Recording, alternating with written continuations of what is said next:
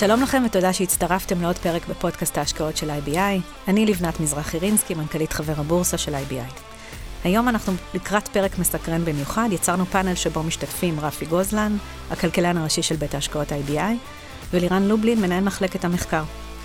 בפרק הזה נסתכל על תמונת המקרו הנוכחית, ננסה להעריך מה תהיה תמונת המקרו של הכלכלות בשנת 23, ובתוך זה ננסה להבין איך זה הולך להשפיע על שוקי המניות והסקטורים השונים. לפני הכל דיסקליימר, חשוב לנו להדגיש שכל הנאמר כאן הוא מידע חלקי בלבד, ואינו מהווה תחליף או ייעוץ המתחשב בצרכים ובמאפיינים של כל אחד ואחת. בטרם תקבלו החלטות השקעה, היוועצו באנשי מקצוע בעלי רישיון. שלום רפי. שלום לבנת. שלום לירן. אהלן. מה שלומכם? לפני שאנחנו פונים לדבר על 2023, בואו נסכם קודם את 22, שהייתה שנה מאוד מפתיעה בשוקי ההון. רפי, נתחיל איתך. כן, אני חושב שראינו שנה שהיא בהחלט חריגה. אה, הורגלנו, ב, נקרא לזה בעשור פלוס האחרונים, למצב שבו אם אה, שוקי המניות חלשים, אז שוקי האגרות החוב חזקים, ולהפך. כן. והשנה הזאת היה בעצם מתאם מאוד אה, חזק, חיובי ולא נעים בין, בין שני האפיקים המרכזיים שמרכיבים תיקי השקעות. ראינו ירידות במדדי אגרות החוב המובילים בסדר גודל של 10% פלוס. וירידות של קרוב ל-20% במדדי המניות מובילים, ובעצם אם אנחנו צריכים לשים את האצבע על הסיבה העיקרית לזה, זה נשים שתי אצבעות, זה בעצם גם אינפלציה וגם ריבית. אני חושב שזה בעצם היה ה-game changer של 2022. אם לאורך 2021, בעקבות משבר הקורונה, היו כל מיני הערכות, בעיקר שהגיעו מארצות הברית, שכל העלייה באינפלציה שנבעה מהקורונה ועלייה במחירי התובלה ושרשרת האספקה, כל מיני מונחים חדשים שנכנסו לנו לחיים, אה, שהם בעצם אה, משהו, איזשהו אירוע חולף. אז הם, בסופו של דבר הם אירוע חולף, אבל הם היו אירוע ממושך, וכמובן נכנסה לנו גם המלחמה בין רוסיה לאוקראינה לתוך התמונה, וקיבלנו איזשהו אה, זעזוע כזה שהכלכלה כבר לא יכלה לשאת אותו, וראינו באמת עלייה באינפלציה שלא ראינו כמותה כבר, לדעתי, סדר גודל של בין 30 ל-40 שנה. וזה בעצם מביא את השוק להגיד, אוקיי, זה לא זמני, ושזה לא זמני זה אומר שהריביות צריכות לעלות, ואנחנו צריך לזכור שאנחנו מגיעים אחרי, שוב, עשור ומעלה של ריביות אפסיות, היעדר אלטרנטיבות, ובעצם אני חושבת שאף אחד לא, צפ, לא צפה את העוצמה של העלאת הריבית. נכון, בסוף, אה, בסוף 2021 הייתה הערכה שהריבית תעלה, אבל לא ככה, כי בעצם לא, אף אחד לא חשב ש...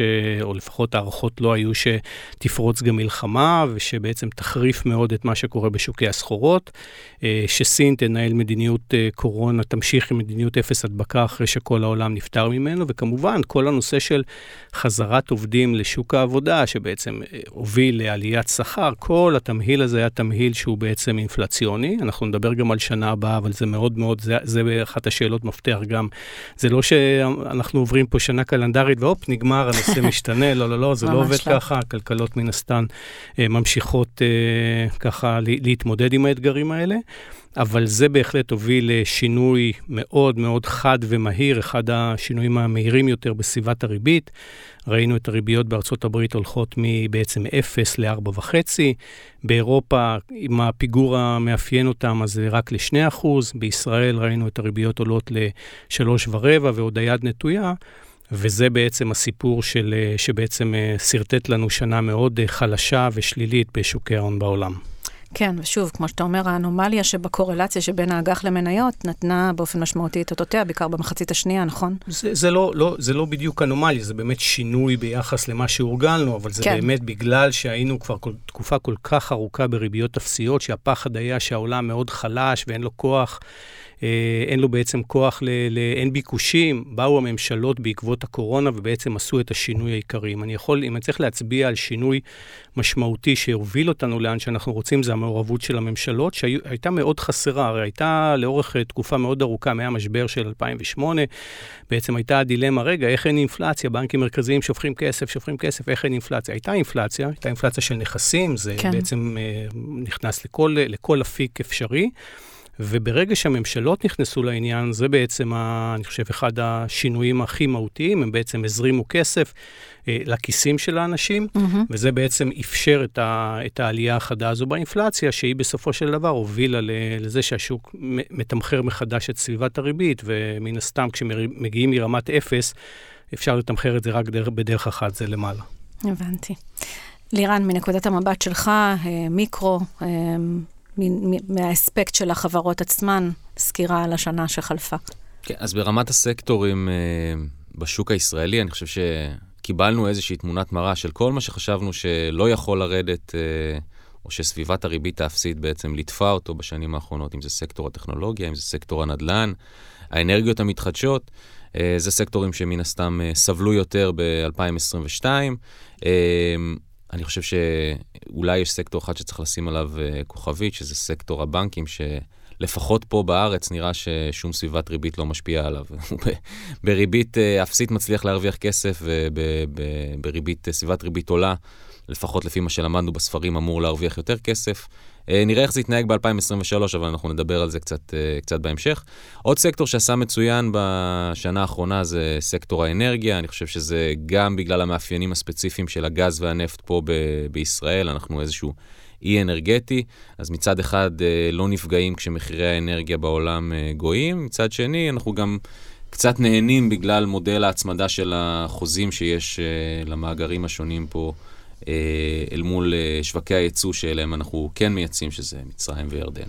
לצורך העניין, אם אתה לוקח בחשבון את המלחמה רוסיה-אוקראינה, אז היא נגעה בנו הכי פחות בהיבט של הסקטור, נכון, של ניהול סקטור האנרגיה המקומי.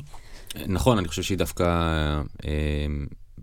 במובן הזה זה, זה שם איזשהו דגש מאוד מאוד גדול על, ה, על ההבדל שיש בין הסקטור המקומי לבין מה שקורה בשווקים כן. בעולם, בגלל שאנחנו בסופו של דבר אה, לא, לא תלויים ב, כמעט בשום, אה, בשום מקור אנרגיה אחר, וישראל היא כמעט עצמאית אנרגטית. זה אז... מקנה לנו חוסן מאוד אה, גבוה באופן יחסי למי שכן ספג את המהלומה הזאת. נכון מאוד. אפשר לראות את זה באמת ב, ב, באינפלציה. האינפלציה בישראל, שמסתכלים על סך האינפלציה ולא כל מיני מדדים שמוציאים את האנרגיה ואת המזון, אה, באמת אנחנו בקצה התחתון של, ברף התחתון של עליית האינפלציה בעולם, כי בעצם מחירי, בדרך כלל חוטפים את זה דרך שני, שני מקומות עיקריים, האחד זה הבנזין והשני זה החשמל. בגלל כל העלייה במחירי הגז והפחם, אז כן, גם בישראל אנחנו קיבלנו את זה בדרך, בדלת האחורי, דרך מחירי הפחם, אבל זה בשיעורים הרבה הרבה יותר נמוכים ממה שאנחנו רואים בעולם, ומבחינת הבנזין אנחנו כבר משלמים בעיקר מס, אז כל עוד לא מעלים את המס, אז אנחנו שילמנו יחסית קצת יותר על הבנזין ולא הרבה מעבר לזה. בדיוק. דבר נוסף על השנה שחלפה, בהיבט שלך? לא, אני חושב שזאת הייתה שנה שלימדה אותנו אה, לפחות בצד של, של המשקיעים, להיות, כן. קצת, להיות קצת יותר צנועים בציפיות שלנו מהשוק, כי... ענווה הש, זה השוק, תמיד טוב בשוק ההון. השוק הוא לא רק, אה, הוא לא רק עולה, אה, השוק גם יכול לרדת, ו, ואנחנו בפתחה של אה, שנה שיש המון סימני שאלה האם השוק יצליח לבלום את, ה, את הירידות האלה, ובאיזה סקטורים כן, באיזה סקטורים לא. אה, שנה מאוד מאוד מאוד מעניינת, אחרי אה, תקופה מאוד ארוכה שלא ידענו מה זה ירידות. אתה יודע שרואי השחורות אומרים שהירידות רק החלו, כך שאנחנו לא יודעים לקראת מה אנחנו הולכים, אבל בואו ננסה לתת על זה את הפרספקטיבה שלנו. רפי, בוא נצלול שנייה ל, לרגע, מה שנקרא לכלכלה האמריקאית, שם הכל מתחיל, ומשם אה, כולנו יוצאים, וגם שם הכל נגמר. הפד יצליח לפי דעתך להוריד את האינפלציה ל-2%, או שזה ריאלי בכלל? אנחנו כרגע באיזשהו תרחיש ריב, אה, דמיוני, אה, אתה יודע, ריבית של 7%. איך אתה רואה? תן לנו קצת את נקודת המבט שלך. כן, אז uh, אני מאמין שהוא יצליח. שאלה מה המחיר של ההצלחה הזאת. כן. אני חושב שבסופו של דבר... כל התמחור של אה, שוקי ההון בעולם נשען על זה שבסופו של דבר אנחנו חוזרים ליציבות מחירים. אני חושב שיציבות מחירים, כפי שאיכשהו העולם מתנהל בה, זה מספר קסם של 2%, אז לא בטוח אם נהיה בדיוק ב-2%, אבל זה צריך לחזור לסביבה הזאת. כי אם אנחנו לא נחזור לסביבה הזאת, אז העולם אה, יחשוב מחדש על איך מתמחרים את אה, סביבת הריבית, וזה יהיה הרבה יותר בעייתי ממה שראינו בשנה האחרונה. אז אני כן מאמין אה, לפד, ואני מאמין, ואנחנו רואים גם כל הבנקים המרכזיים בעולם מיישרים קו ואומרים, אנחנו מאוד נחושים אה, להחזיר את האינפלציה, כי לכולם יש בעצם את לקחי העבר שבהם הם היו ככה יותר במדיניות יותר נרפאת, ובעצם אמרה, טוב, בוא, לא נורא, אז עוד אחוז, עוד שניים באינפלציה. ברגע שזה קורה, אז אנחנו מגיעים לסביבת ריביות שבאמת אה, אנחנו לא רוצים להיות בה, כי היא באמת מאוד בעייתית, כי כל משקיע באיגרת חוב אומר, רגע, אם הבנק המרכזי לא מחויב לזה, אז אני רוצה איזושהי תוספת, והתוספת הזאת בסוף מתגלגלת לעלויות. עלויות אשראי של כל אחת מהפירמות ומשקי הבית, וזה בהחלט שם אותנו בסביבה מאוד לא נעימה. אז לכן, אם אני אחזור בכל זאת לשאלה ששאלת אותי, האם הם ישיגו את 2%, את הסביבה הזאת הם ישיגו אותה. שאלה היסטורית, מתי? היסטורית, הדרך לשם היא לא כל כך uh, טובה. זאת אומרת, אם נסתכל על מקרי עבר שבהם ירדנו מסביבת ריבית כזאת, אפילו טיפה נמוכה יותר, ל-2%, זה בדרך כלל עבר דרך uh, מיתון, שזה אומר שצריכים לראות חולשה של שוק העבודה, ירידה בביקושים, סוג של, אני קורא לזה ריסטארט למערכת. כי כרגע בעצם, ברגע שהאינפלציה יצאה, שד האינפלציה יצא מהבקבוק, משהו שבאמת לא ראינו כבר תקופה מאוד ארוכה, מאוד קשה להחזיר אותו חזרה. בלי בעצם לעשות סוג של ריסטארט. למה זה קורה? כי בעצם יש דרישות שבעצם כל, האינפלציה בעצם זזה ממקום למקום, אם זה פעם היה בתחום הסחורות, זה עבר לשירותים, ואז בעצם יש דרישות שכר, ואם זה מגיע מסקטור אחד, זה עובר לסקטור אחר. מאוד קשה לעצור את זה בלי לעשות איזושהי האטה, האטה משמעותית, שבדרך כלל מלווה גם בעלייה באבטלה. תמיד אפשר, אה, בוא נגיד, אנחנו צריכים איזשהו, יכול להיות שהפעם יהיה, הפעם זה יהיה שונה, לא הייתי מהמר על זה. אני חושב שהסיכוי שאנחנו נראה בסוף את הכלכלות מתמתנות וגולשות למיתון, לא, לאו דווקא מיתון עמוק, אבל מיתון של כמה רבעונים, זה מאוד סביר. לשאלה שלך באמת מתי זה יקרה, זו שאלת, אה, אני לא יודע אם זה, זו שאלה מאוד, בוא נגיד, השווקים, אם אני, אני אלך רגע לחלק היותר קל, אני אגיד לך מה שוק אגרות החוב מתמחר. שוק אגרות החוב מתמחר שזה איפשהו יקרה במהלך המחצית השנייה שנייה. של 2023, נכון. שם בעצם... הכלכלה האמריקאית תיתקל בקיר, ובסופו של דבר אה, תוביל גם להורדות ריבית. זאת אומרת, זה, זה מה שנגזר מהתמחור בשוק אגרות החוב. זה במצב הנוכחי, אם לא יהיו עוד משתנים אה, אקסוגנים שייכנסו. בדיוק, אנחנו mm-hmm. בעולם שהוא מאוד מאוד רגיש נכון. למחירי האנרגיה, שיכולים עוד פעם להכניס לנו זעזועים. אין לנו יותר מדי מרווחי ביטחון כאן, וזה אומר שהסיכון פה נראה יותר נוטה כלפי משהו יותר ממושך מבחינת הריביות. אני צריך, ל...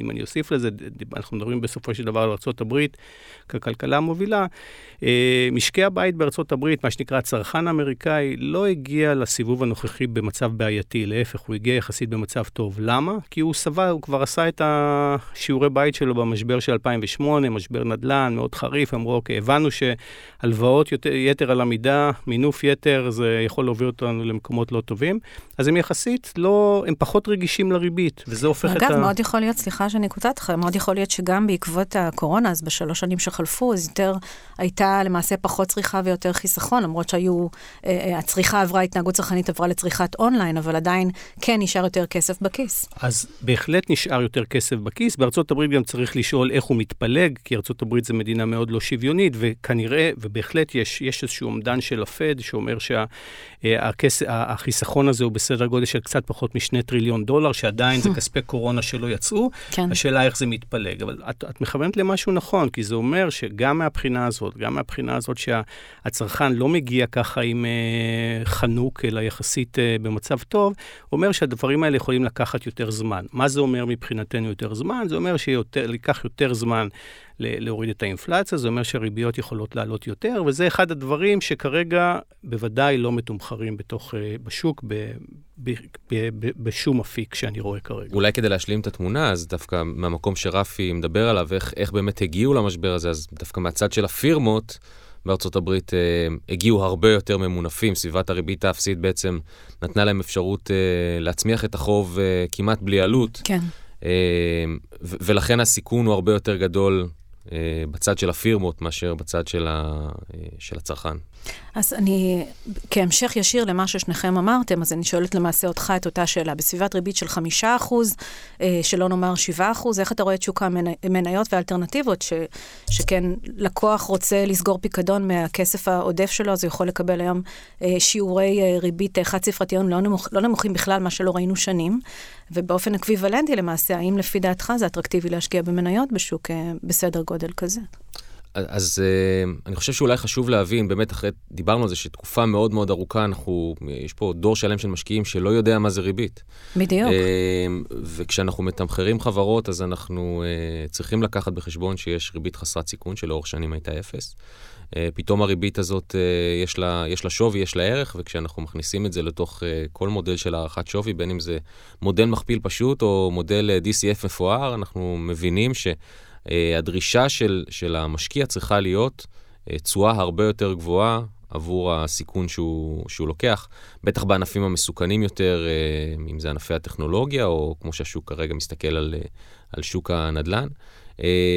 אז, אז כן, שוק המניות הוא עדיין אטרקטיבי, אבל צריך להיות הרבה הרבה יותר סלקטיביים ולדרוש אה, מה שנקרא מרווח סיכון הרבה יותר אה, גדול כדי להיכנס למניה או לסקטור אה, ספצ... כזה, כזה או אחר. בדיוק. נכון. אני חושב שזה גם uh, קשור ל- לאיכות החברות. אני חושב שזה אחד הדגשים היותר חשובים לשנה הקרובה, זה עניין של ללכת לדברים, אם, אם ב, לצורך העניין בשנים האחרונות זה היה כל מיני uh, טרנדים והייפים כאלו ואחרים, שרדפו, המשקיעים רדפו אחריהם בגלל היעדר אלטרנטיבות. אנחנו לא בעולם של היעדר אלטרנטיבות, וזה אולי אחד המסקנות החשובות משינוי uh, סביבת הריבית. זה לא של אני הולך כי אין לי ברירה, אלא אני צריך לחשוב מה אני קונה, ויש פה בהחלט, אני חושב, uh, כדאיות בללכת לדברים הרבה יותר איכותיים, הרבה פחות ממונפים, שאנחנו יודעים שידעו לעבור את הסערה הזאת, כי יכול להיות שהסערה הזאת היא באמת משהו שאנחנו בהחלט לא מכירים, לא ראינו כבר הרבה זמן, אני חושב שצריך ללכת לדברים היותר יציבים וחזקים, כי יתר הדברים לא נותנים עדיין פיצוי מספיק uh, עבור מפת הסיכונים שיכולה להיווצר ב-2023. גם יציבים מבחינת uh, סייקל של פעילות וגם יציבים uh, מבחינת מבנה מאזן. נכון. השווי הכלכלי האמיתי. המינוף, המינוף הוא משחק פה, המינוף ששיחק לטובת הרבה מאוד חברות בשנים האחרונות, מתהפך ומשחק לרעתן, אם אני יכול להמליץ פה משהו למאזינים. אז uh, למדנו בשנה, שנתיים, שלוש אחרונות uh, מכפיל, מושג חדש נקרא מכפיל מכירות.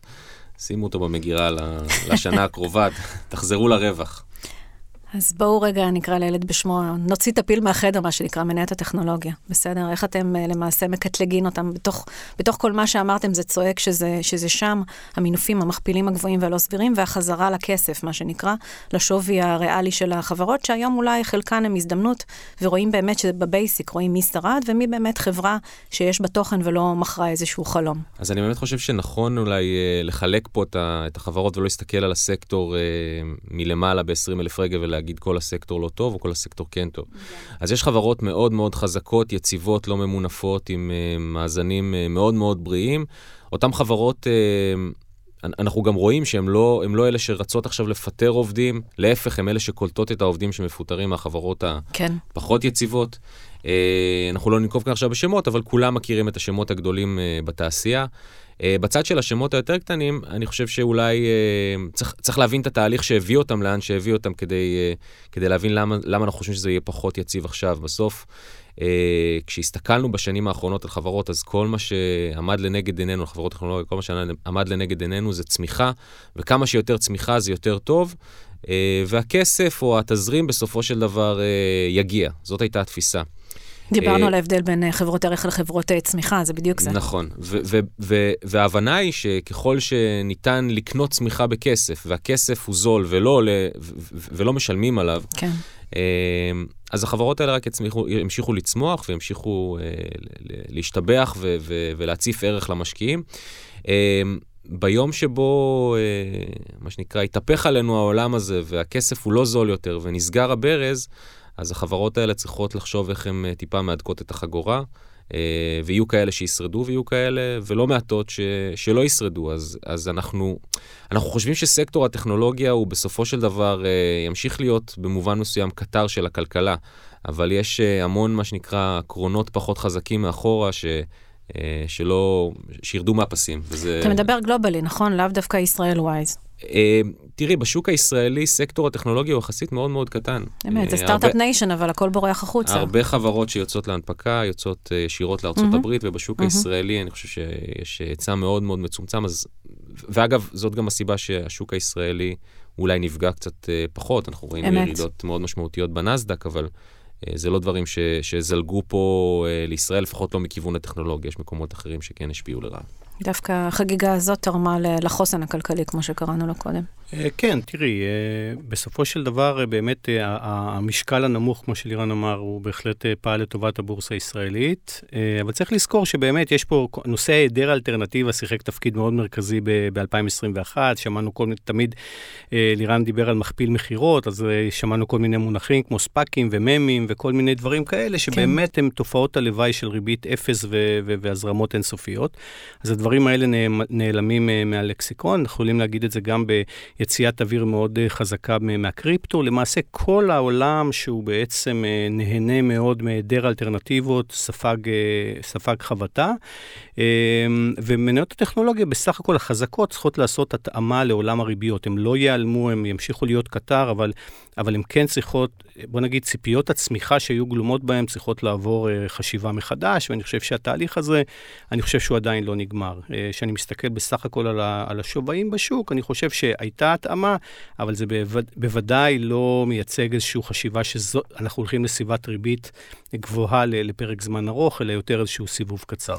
כן משתמע ממה שאתה אומר, ואני לגמרי מסכימה עם זה, שמדובר בתהליך בריא לשוק. זאת אומרת, אמרתי, חזרה לכסף, לשווי הריאלי של חברות, וכמובן לאלטרנטיבות. בהחלט, אז, בהחלט. אז אם באלטרנטיבה עסקינן, אז אי אפשר למעשה שלא לדבר על הסקטור הפיננסי, בתוכו ספציפית הבנקים, בקפיצה שבין ריבית 0 לריבית 4 אחוז.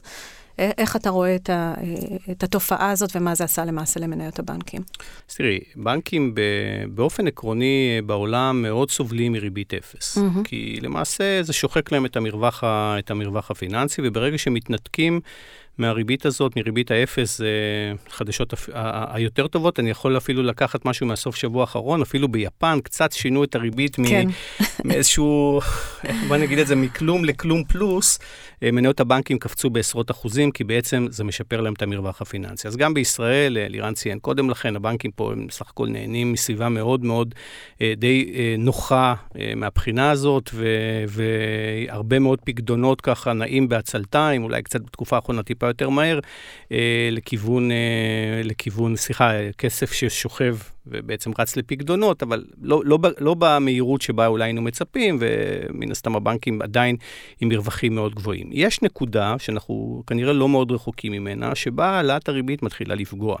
זאת אומרת, בשלב הראשון זה באמת ליהנות, די ליהנות מכל העולמות, ליהנות מהמרווח הפיננסי, אבל נקודה מסוימת, בעצם עליית הריבית מתחילה לפגוע בלוקחי, בנוטלי האשראי, בין mm-hmm. אם זה משקי בית, בין אם זה חברות, וזו הנקודה שמתחילה כבר להרע את, ה, את המצב של הבנקים. אני משער שאנחנו איפשהו יותר קרובים לנקודה הזאת מאשר לנקודה הנוחה אה, של, של העלאת הריבית. אין ספק שנקודת האיזון מתחילה, אה, מה שנקרא, להתקרב ולהתהפך כמובן, זה יבוא לידי ביטוי בשוק המשכנתאות. אה, ובאשראי צרכני באשר הוא, נכון? אה. אנחנו, אנחנו כבר רואים את זה, בסך הכל, אה, שוב, זה ממש חלק מתופעה עולמית, זה, אנחנו כמובן מדברים בעיקר על השוק הישראלי פה, בהיבט של הנדל"ן, זה מעניין כל אחד, אבל צריך להבין שזו תופעה רחבה, גלובלית, השינוי הזה בסביבת הריביות וההייפ של הנדל"ן בריבית אפס, זה לא תופעה ישראלית, זו תופעה עולמית. וברג, ומה שאנחנו רואים כרגע בצורה די רחבה, זה את הירידה החדה הזו בביקושים, כי למעשה... סביבת הריביות וסביבת המחירים לא יכולים לגור ביחד באותה דירה. הם צריכים איפשהו להחליט איך, אה, לאן הולכים מכאן. ובשלב הראשון נוצר פער בין קונים למוכרים, אה, והוא בעצם מוביל לירידה בביקושים, אנחנו רואים ירידה במכירת דירות, אנחנו רואים ירידה בהיקפי המשכנתאות. שווקים שנמצאים קצת קדימה מישראל, אנחנו כבר רואים ירידת מחירים. זה משהו שהוא נראה בלתי נמנע, אלא אם אנחנו נראה שינוי מהיר כלפי מטה בריביות. אני משער שגם השוק הישראלי יצטרף למגמה העולמית. צריך גם להזכיר ש, ש, שאולי אה, בנקודה הזאת שהבנקים הם... לא, לא אך ורק משכנתאות, זאת אומרת, זה מה שאנחנו הצרכנים רואים, אבל uh, בטח ביחס למשברים קודמים שחווינו uh, ושהבנקים uh, חוו, אז הבנקים מגיעים היום עם תיק אשראי שהוא הרבה יותר uh, מפוזר. Mm-hmm. Uh, מה שנקרא, למדו, למדו מטעויות העבר, ואומנם אני חושב שכולנו, כל מי שבונה היום מודל של, uh, של בנק כזה או אחר, uh, מניח בהנחות קדימה הפרשות יותר גדלות להפסדי אשראי, אבל... אה, אבל, אבל אף אחד פה לא מניח איזושהי דרמה מאוד מאוד אה, גדולה, כמו ש... כמו שהייתה בשנים. כמו שראינו במשברים קודמים. אה, כי אתה הבנק... מדבר על זה שאין יותר הלוואות שהן נון ריקורס, או שיעורן הרבה פחות מאשר סך תיק האשראי. בעבר נתקלנו בבנקים שיש להם אה, ריכוזים מאוד גדולים של כן. אשראי אצל אה, גופים, גופים ספציפיים, או אצל לווים ספציפיים, כן. קבוצות שליטה כאלה ואחרות, נכון. שלאורך השנים, גם בגלל רגולציה וגם בגלל שחלקן פשטו רגל, התפרקו, והבנקים כן. הרבה, יותר, הרבה יותר מפוזרים היום במתן האשראי שלהם. שזה תהליך מאוד בריא, אני חייבת להגיד. נכון. לנו ולהם באופן כללי, לנהל משק בצורה כזאת. בואו נעבור לשני סקטורים אחרים, שגם uh, טלטלות ומהמורות, ושווה מאוד לדבר עליהם בשנים האחרונות שחלפו, וגם באיזושהי תחזית צופה פני עתיד. הראשון זה, סק, זה, זה סקטור האנרגיה, והשני הוא סקטור התקשורת, ששניהם אתה גם מסקר באופן אישי, אז אשמח לשמוע ממך. דיברנו קצת uh, בהתחלה על סקטור האנרגיה, uh, אני חושב שמה שראינו ב, uh, בשנה האחרונה, אה, הוא רק המבוא למה שאנחנו צפויים לראות אה, בשנה הקרובה. אה, ישראל היא איזשהו אי אנרגטי במובן הזה שאנחנו לא תלויים בגז כמעט משום מקור אחר. יש נקודות ספציפיות שבהן אנחנו מייבאים קצת גז טבעי, אבל גם זה משהו שהולך להיעלם. אנחנו לצערנו עדיין צורכים פחם. והגז הזה גם יתפוס את המקום של הפחם, ובזה למעשה ישראל תתנתק לחלוטין אה, מתלות בסחורות, מה, בסחורות בתחום האנרגיה מהעולם. אה, אני חושב שעצם זה שישראל היום היא יצואנית והיא שם דבר אה, באזור הקטן שלנו, הגן הלבן שלנו, זה, זה רק מסמן לאן השוק הזה הולך. כש, כשאירופה מנסה, או אירופה לא יכולה, אבל כשאירופה מנסה להיגמל מהגז הרוסי, אה, אנחנו פתאום שומעים קולות של אה, אולי נייבא גז מישראל, אולי איזשהו פרויקט אה, אדיר כזה של לייצר צינור בין מאגר לוויתן לבין, לבין אירופה, אולי הוא כן כלכלי. כל הדברים האלה מביאים אותנו להסיק שהשנה הבאה היא תהיה שנה שבה מאגרי הגז הגדולים של ישראל ימכרו כמעט בהספק מלא את הגז שהם יכולים למכור, ומחשבות על הרחבה של המאגרים. הן אה, בעצם מאוד מאוד קרובות. ראינו את זה כבר קורה במאגר uh, תמר, מתחילים תהליך של uh, הרחבה, והדבר הזה יקרה אפילו בעוצמה גדולה יותר במאגר לוויתן. שהוא המאגר הגדול ביותר uh, של חופי מדינת ישראל. מאגר כריש שנכנס בסוף השנה האחרונה גם כן מוסיף להיצע. Uh, כשמשקללים פנימה את משוואת הביקוש וההיצע, אז אנחנו רואים שהחששות שה, uh, מפני, מפני עודף היצע התפוגגו די מהר, ו- mm-hmm. אה, ויש המון, לסקטור הזה יש המון לאן ללכת. נשים איזשהו, אה, נשים איזושהי כוכבית קטנה בנושא הזה. אה, כמו בכל סקטור שהוא עתיר השקעות, אז בהתחלה משקיעים הרבה כסף, ואת התרומה של הכסף הזה אנחנו נראה רק בעוד שנתיים-שלוש, אז יהיה פה איזשהו גליץ' קטן ברווחיות או בתזרים בשנים הקרובות, אבל אנחנו ללא ספק חושבים שהסקטור הזה הוא ימשיך להיות חזק, מוביל. אה, ועצם זה שישראל היא אנרגטי, אז הוא גם חסין מפני אה, מה שקורה מסביבנו. איך אתה מכניס, לפני שאתה עובר לסקטור הבא, איך אתה מכניס את כל הנושא של אנרגיה ירוקה לתוך המשוואה, ואולי כל הנושא של רכבים חשמליים, שמדברים על זה שתוך עשור אנחנו נלך ונראה יותר ויותר יבוא של מכוניות שפועלות על חשמל בלבד. אה, אז זה שני דברים שהם גם שונים וגם דומים, כי רכבים חשמליים בסופו של דבר צריך לטעון אותם מתוך מערכת החשמל של מדינת ישראל, מערכת כן. החשמל ניזונה מגז טבעי, אה, זה רק תורם לסביבת הביקושים, אה, ובמובן הזה אני חושב שמדינת ישראל צריכה לעצור ולחשוב איך מנהלים את כל הצי הצפוי הזה של רכבים חשמליים, אבל זה נושא לפודקאסט שלם כן, כן. נפרד. כן. בצד של האנרגיה המתחדשת, אז, אז כן, אז, אז הניסיון הזה לגמילה מאנרגיה פוסילית, כן תורם המון לביקוש לאנרגיה מתחדשת, ואולי תהליכים שהיו קצת יותר איטיים אה, יתפסו תאוצה. אני מדבר רגע ברמה גלובלית, לאו דווקא בשוק המקומי בישראל, אנחנו שוק קטן בכל מה שנוגע ל- לאנרגיה מתחדשת. אה, אבל מהצד השני, סביבת הריבית... אה, היא לא מטיבה עם, ה, עם החברות האלה. כן. החברות האלה מתנהלות קצת כמו, קצת כמו נדל"ן מניב. Mm-hmm. בסופו של דבר קונים איזשהו שטח שעליו מקימים בין אם זה תחנות רוח או בין אם זה פאנלים סולאריים. זה מושכר לטווח ארוך, יש עלויות ריבית, ומהצד השני יש את ההכנסות. ברגע שהמרווח הזה מצטמצם כי עלויות הריבית אה, עלו ואי אפשר לגלגל את, אה, את כל העלות הזאת לצרכן, אז הפרויקטים האלה הופכים להיות פחות אטרקטיביים לחברות האנרגיה המתחדשת. Mm-hmm. אז, אז, אז ב, מהכיוון של האנרגיה המתחדשת יש דחיפה של, של ביקושים, מהצד השני סביבת המקרו קצת פחות מחבקת. הבנתי. מה בנוגע לתקשורת? גם תקשורת, אני חושב שישראל היא מתנהלת כמו איזשהו אי דווקא, אבל בשנים האחרונות ראינו את זה מה, מהכיוון השלילי יותר. אה, ירידת מחירי הסלולר שכולנו הרגשנו אותה אה, בשנים האחרונות. אה, כניסת יש... תחרות כמובן, היא זו שהשפיעה. השפיעה מאוד לרעה על חברות התקשורת. הגדולות יותר. לא היו קטנות, הקטנות נעלמו. כן. ו... אה, עד רמה שפשוט הפסיקו להשקיע ברשת. לא נשאר כסף, לא השקיעו ברשת. אנחנו רואים היום בארצות הברית רשת דור 5 פרוסה כמעט אה, באופן מלא באזורים מסוימים. אה, מי ששואל את עצמו מה הם יודעים לעשות שאנחנו, שאנחנו לא יודעים לעשות, לא הרבה. זה, זה לא הרבה יותר, פשוט יש להם כסף לעשות את זה. כן. אז, אז חברות הסלולר, אני חושב שגם עברו שינויי בעלות בשנים האחרונות, בטח בשנה האחרונה.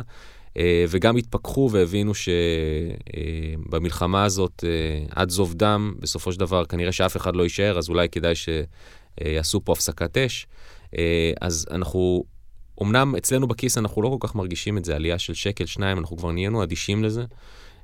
אבל אצל חברות הסלולר, כל שקל בעלייה בחשבונית שווה הרבה מאוד כסף. אז, אז בעולם הזה של, ה, של הטלפון הסלולרי שלנו, אנחנו מאוד מאוד אופטימיים, אנחנו רואים ששיעורי הנטישה בין החברות הולכים ויורדים, אנחנו רואים שהמחירים אה, הולכים ועולים, והכניסה של הדור החמישי גם מייצר, תייצר אינסנטיב נוסף לחברות אה, להעלות מחירים. אה, מקבלים מוצר יותר טוב ועליו משלמים יותר כסף, זה, זה הרעיון המסדר. אה, החלק השני של שוק התקשורת זה שוק התקשורת הקווית, הסיבים האופטיים. חברות השקיעו הרבה מאוד כסף אה, בפריסה של אה, סיבים אופטיים, וכמו שאמרנו שבגז בהתחלה מוציאים הרבה מאוד כסף כדי לפתח מאגרים ולייצר capacity, אז אותו דבר בשוק התקשורת. חברות השקיעו הרבה כסף בפריסה של אה, תשתיות סיבים אופטיים, וזה הזמן שלהם לקצור את הפירות ולהתחיל גם להרוויח כתוצאה מזה. הזדמנות השקעה, נשמע כמו הזדמנות השקעה. אם מחפשים... אני חושב נקודות ש... חוזק. אני חושב שבסופו של דבר, גם בשנים אה, קודמות, בסייקלים קודמים בשוק mm-hmm. התקשורת, נוכחנו לדעת שבעל התשתית הוא המלך, מה שנקרא. לגמרי. אה, אז, אז בארץ יש מלך אחד, קוראים לו חברת בזק, אה, אבל גם לבזק יש מתחרות. Mm-hmm. אנחנו רואים שגם חברות אחרות לא ישבו בחיבוק ידיים והסתכלו על בזק לוקחת את השוק, להפך, הם נכנסו לפניה לשוק ונכנסו לש... ותפסו נתח בשוק הסיבים. אה, ככה שהשוק הזה אה, הופך להיות מאוד מאוד מאוד מעניין, אה, והדברים שאנחנו כצרכנים נוכל לייצר כתוצאה מה, מהדבר הזה. בבתים שהם מחוברים, החל ממקרר שאומר לנו מתי נגמר החלב, או כל דבר שאנחנו רק יכולים לחשוב עליו יהיה מחובר, והכל יהיה על בסיס תשתית הסיבים. החברות, אם, אם ישכילו לייצר מזה כסף, יעשו, יעשו תשואה מדהימה בשנים הקרובות. אוקיי, okay, מעניין. רפי, בואו ניגע קצת בנושא אחר, סקטור אחר, סקטור הנדל"ן. דיברנו קודם על הפרשות להפסדי אשראי. חברות הנדל"ן למעשה נכנסו לתוך האירוע המקרו-כלכלי מאוד ממונפות בגלל סביבת הריבית הנמוכה מאוד, והיום היא עומדת סביב 4%. האם אתה רואה באמת אה, הרבה הסדרי חוב שיקרו בחודשים הנראים לעין בשנה הקרובה? תראי, אני חושב שהרבה מהחברות אה, ניסו להיערך לעלייה הזאת. בסך הכל ראינו גם בשנים 2021 אה, אה, גיוסים מאוד, אה, מאוד משמעותיים. ועדיין, בגלל שמדובר פה בשינוי כל כך חד ומהיר בסביבת הריבית, כאן תמונה, תמונה הבעיה. בסך הכל, כשמסתכלים על, על מרווחי האשראי היום, אנחנו מתחילים לראות פתיחה שהיא יותר uh, ממוקדת, uh, ממוקדת בחלק מחברות הנדל"ן למגורים. ב- ב- לגבי חברות הנדל"ן המניב זה פחות, פחות מהותי, אבל זה אולי קצת מחזיר אותנו לשאלה מתי נצליח להוריד את סביבת האינפלציה. ככל שהתהליך הזה יהיה יותר ארוך וממושך, uh, הבעיה של, חברת, של חברות הנדל"ן תהיה יותר, uh, יותר מהותית, כי בסופו של דבר גם החוב שנלקח בריביות נמוכות, בסוף צריך למחזר אותו. ואם הם ייתקלו בתנאי שוק, הן עם פחות נוחים מבחינת שוק שלא רוצה לספוג, אה, לא רוצה, פחות אה, מעוניין באלטרנטיבת הנדל"ן, בגלל שסביבת הריביות היא יותר גבוהה, או לחילופין, במרווחים או תשואות יותר גבוהות, אנחנו מבינים שהעולם הזה של אה, חברות הנדל"ן הוא מאוד מאוד תלוי לאן אנחנו הולכים מבחינת uh, סביבת האינפלציה, ופה אולי צריך לדבר גם על דברים שהם long run, לאו דווקא לשוק הישראלי. כן. Uh, יש לא מעט תהליכים היום בעולם ש, שמושכים אותנו יותר לכיוון של אנחנו לא נחזור לעולם של ריביות אפס או ריביות מאוד נמוכות, מעבר לאיזשהו, אולי uh, אם יהיה מיתון אז תהיה קצת ירידת ריבית, אבל כמשהו מבני ממושך. כל הנושא של, נושא של הגלובליזציה שנמצא כרגע בנסיגה, אנחנו רואים יותר, חלק מזה, זה נשמע קצת אולי רחוק, אבל הייתה בעבר גם מלחמת סחר בין ארה"ב לסין. אה, למעשה, משבר הקורונה הוביל לזה ש... מדינות הבינו שהן צריכות להיות יותר תלויות בעצמן ולייצר דברים יותר בעצמן, וזה תהליך שילווה אותנו לדעתי לא מעט זמן. זה אומר שהנושא של יעילות מבחינת חברות אה, מפנה מקום לזמינות. אה, וכל התהליכים האלו הם תהליכים, אה, נדבר על, דירן דיבר גם על נושא של אה, מעבר, מעבר אנרגיות, כל נושא של מעבר לאנרגיות מתחדשות הוא אינפלציוני, הוא יוצר הרבה מאוד צווארי בקבוק, הרי זה לא שאפשר לנהל את זה כאיזשהו משק קטן שיודע בדיוק מתי לצאת מהאנרגיה הפוסילית לעבר האנרגיה המתחדשת. כל התהליך הזה הוא תהליך עם הרבה חיכוכים, אנחנו רואים את זה כבר בשנה האחרונה, גם בלי הנושא הזה של המלחמה עם רוסיה, גם ככה שוקי האנרגיה הם כבר מאוד מאוד מתוחים, ראינו ירידה מאוד חזקה בהשקעות בגלל זה, מתוך הבנה של חברות אנרגיה, שרגע, אם הולכים להחליף אותנו אז אנחנו לא נשקיע, ואז זה יוצר אה, אה, צווארי בקבוק. ושוקי העבודה שהשתנו מאוד לאחר משבר הקורונה, תפיסה, תפיסה שונה. אה, אנחנו רואים לחצי שכר שלא ראינו קודם לכן, ולכן כל התמהיל הזה מוביל אותנו למשהו שהוא יותר ממושך אה, מבחינה, גם אם נסתכל מעבר לשנה פלוס הקרובות, ששאלנו בהתחלה כן מיתון, לא מיתון, אנחנו כנראה נלך לסביבת אינפלציה יותר גבוהה בשנים הקרובות, שהמשמעות של סביבת ריביות יותר קרובה, ואת זה אני לא, אני גם לא בטוח שחברות הנדל"ן מאוד אוהבות, אבל זה המציאות שתיכפה עלינו מהעולם. זאת אומרת, כמקרואיסט ראשי, אתה למעשה לא רואה ירידה, כן רואה ירידה, אבל רואה ירידה מתונה.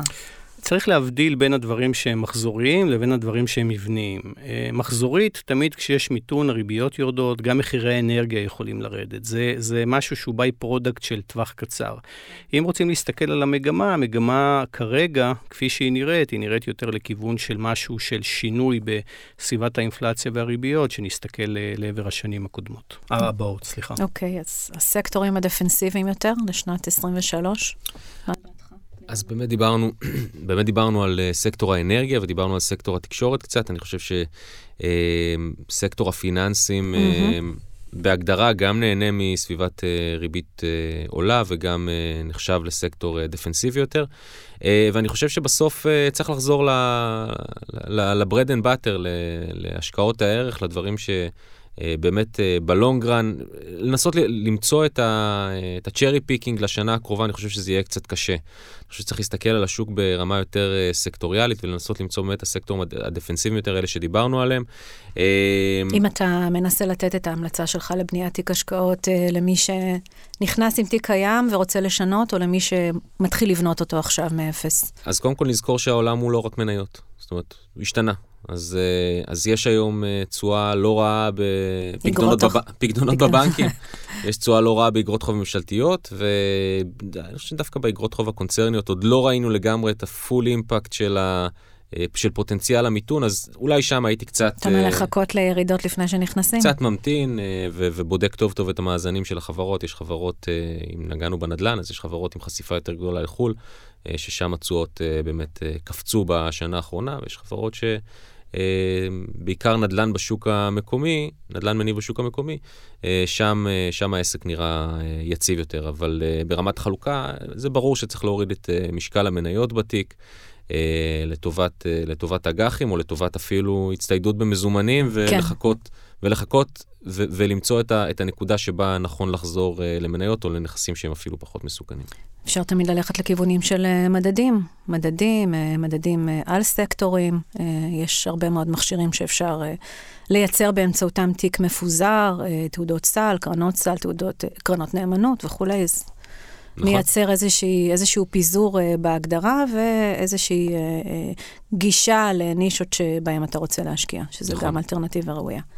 רפי, דעתך בנושא הזה של אה, תיק ל-2023? כן, תראי, האלטרנטיבה, אלטרנטיבת הריבית אה, חזרה. אנחנו לא נראה שוב את אותם, כנראה את אותה, אה, אותם הפסדי הון חריגים שראינו בשנת 2022, כי אנחנו מתחילים לספור מנקודה שהיא הרבה יותר נוחה. ריביות אפילו בישראל ממשלתיות הם איפשהו סביב שלושה וחצי, אפילו קצת יותר אחוזים. זו נקודת המוצא, זאת אומרת, יש פה כבר, מתחיל להיווצר פה איזשהו כרית ביטחון, גם אם נראה אה, עלייה אה, יותר חזקה בסביבת הריביות. אני חושב שבהחלט, אה, אני, אני מסכים עם לירן שבשוק הקונצרני זה, אנחנו ראינו, וזה מאוד דומה לעולם, יש עדיין, בגלל שהייתה היערכות קודם לכן, אז לא ראינו, של חברות, לא ראינו פתיחת מרווחים, הלחץ למחזור הוא לא, הוא לא כאן. אבל ככל שהדברים יימשכו, אני משער שהשוק יתחיל לבקש פרמיה יותר גבוהה למחזור העתידי, ואת זה לא ראינו עדיין. אה, ומבחינת, אה, מבחינת, אני אומר, השוק היום גם נותן לנו למעשה, אם פעם אה, נקנסנו על סבלנות, היום השוק לא, לא כונס אותנו לעבר, הוא משלם לנו על סבלנות, זה אומר גם אם נהיה באגרות חוב מכ"מים, או דברים שהם או יחסית... פקדונות. פקדונות לטווח קצר, הוא לא כונס אותנו יותר. כן, אני יכולה להגיד לך שאנשים, או אתה יודע, אומרים, עוצרים אותנו ברחוב, אבל באמת יש אי-ודאות מאוד גדולה, גם בסביבת הסביבה. המקרו-כלכלית בארץ וכמובן בארצות הברית, אה, אה, ואף אחד לא בדיוק יודע לשים את האצבע מתי, אה, מתי תגיע נקודת האיזון ותתהפך ומיתון ואבטלה וכולי. אז אנשים יכולים לבוא ולומר, אז למה לא למכור הכל עכשיו? לקחת את מה שהרווחנו, או מה שנקרא לקבל את מגן המס על מה שהפסדנו, לשבת, לשים את הכסף שלנו בפקדונות, להרוויח ריבית חד-ספרתית בינונית, מה שנקרא, באופן יחסי למה שהורגלנו, ולחכות ולראות עד יעבור זעם. כי זה לא עובד. נחמד, זה, זה, האמת היא, כמעט צריך לשכנע אותי, אבל זה לא עובד. uh, תמיד... Uh, אתה תביא לי את הקטע הזה של עשור או שניים. הפעמון שלי, הפעמון ש... צריך שזה שמצלצל לנו בפעמון, הוא כנראה לא, הוא לא מרגיש טוב בשנים האחרונות. Uh, צריך תמיד, צריך תמיד uh, להיות בשוק, להיות על הגלגל, ובאמת... לכוון את האלוקציה למקומות שאפשר לספוג איתם, לפעמים יותר את סטיות התקן, את התנודתיות, יותר בעצם להבין שאנחנו משחקים מה לעשות בהשקעות, אנחנו מדברים פה על, תמיד על השנה הקרובה, אבל כשנכנסים לשוק המניות אי אפשר להיכנס לשנה קרובה. לשנה הקרובה זה אולי ההתאמות שאנחנו רוצים לעשות בתיק, אולי קצת לשפר את התשואה שלנו. אבל זה לא בסופו של דבר, לא נכנסים לנכס מנייתי לשנה. מי שנכנס לנכס מנייתי לשנה, בדרך כלל... שלא ייכנס. שלא ייכנס, כי אין לו, אין לו את היכולת לתקן. הוא בעצם, אם הוא חייב להוציא את הכסף או נבהל בירידות הראשונות, הוא סתם, הוא, הוא סתם בעצם יתרום, הוא יפסיד כסף. צריך להסתכל על זה בראייה יותר ארוכה. וכן, לעשות את ההתאמות הנדרשות. היום באמת שוק אגרות החוב, מה שלא היה לנו בשנים האחרונות, נותן לנו אלטרנטיבה הרבה יותר טובה. אי אפשר להתעלם מזה שזה תשואות הרבה יותר גבוהות. כן, צריכים להביא את זה לידי ביטוי באלוקציה בתיק, אבל אי אפשר לרדת לאפס מניות. זה לא שמניות, אם לצורך העניין, אה, סתם, אני אזרוק דברים, מחר בבוקר, אה, נגמרת המלחמה בין רוסיה לאוקראינה, אז ברור שהשווקים פתאום יפתחו. יכולים לעלות בצורה... בדיוק. אי אפשר לתזמן, לא כדאי לתזמן את הדברים האלה. כן אפשר להביא לידי ביטוי את זה שמפת הסיכונים כרגע נראית עם איזשהו תמחור חסר, ו- ולהגיד, אוקיי, אז בתמחור הזה אני לא רוצה להיות חשוף באופן מלא, וגם לא קונסים אותי על הסבלנות הזאת. אני מקבל יחסית תשואה שוטפת, אני אטה את התיק שלי יותר למקומות היותר סולידיים, יותר זה, אבל לא לצאת מהשוק, זה דבר אחרון שעושים. בוא ננסה רגע לעזור, אה, לתכלל את כל מה שניסינו להגיד כאן לגבי איך בונים תיק לשנה הבאה. גם לפחות, לפחות... תתייחס ל... אתה יודע, winter is coming, winter is not coming. אז, לפ... אז אני אומר, לפחות בצד המניות ובמרבית הסקטורים שאנחנו uh, מסקרים, uh, אני חושב ש... Uh, כמו שרפי אמר, לא נכון לצאת לגמרי, אבל כמעט כל דבר שנשים עליו את האצבע היום ונרצה לקנות, והוא נראה לנו זול, יש סיכוי לא רע שהוא יהיה יותר זול בהמשך השנה. אז... אתה יודע מה אומרים, בסדר, אפקט העדר, שתמיד קונים בגבוה ומוכרים בנמוך, אז סבלנות, אנשים, זה מה שאתה אומר. אם תגידי לי אם אנחנו בגבוה או בנמוך, אני אגיד לך אם זה זמן לקנות. האמת היא, אה, יחסית, וזו גם תופעה עולמית, אה, הציבור לא כל כך נבהל מהירידות האחרונות. נכון. עכשיו, את יכולה לקחת את זה לאן שאת רוצה. נכון, אתה צודק. קטענו אותך, לירן. לא, לא, אני, אני חושב שזה אולי המסר הכללי. אנחנו, אמרתי את זה קודם, התרגלנו לשוק שגם אם נייר יורד 10 אחוזים, אנחנו, אנחנו יודעים שהוא יתקן. מתישהו זה יקרה, בשבוע, שבועיים, שלושה הקרובים, יבוא העדר וירים את הנייר חזרה למעלה. זה לא השוק שאנחנו נמצאים בו היום, התהליכים הפכו להיות הרבה יותר ארוכים.